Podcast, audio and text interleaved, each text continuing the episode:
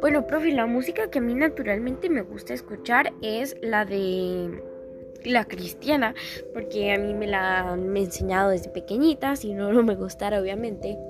Este, la que más me gusta es una de Manuel o no sé, me la ponían cuando íbamos, cuando yo estaba pequeña.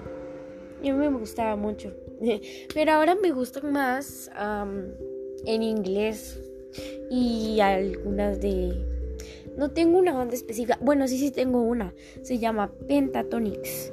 Es una banda que es como de cinco personas. Pero canta muy bonito, profe. Hacen unas vocalizaciones como que perfectas. Y no siempre canta música adventista, eso sí, ¿verdad?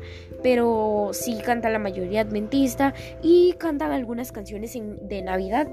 Les canta muy bonitas, profe. Suena muy bonito la, todo junto. Y este, las dos canciones que a mí me gustan mucho de ellos son Mary Did You Know, que habla sobre cuando Jesucristo nació y que si ella sabía que el niño iba a ser el hijo de Dios. Mary, did you know that your baby boy one day walk on water? Y así, ¿verdad, profe? Y también me gusta la de Aleluya, que me imagino que esa ya la conoce que dice aleluya, aleluya. Y así, profe. Esas son las dos canciones que me gustan y pues sí, esos son mis gustos musicales.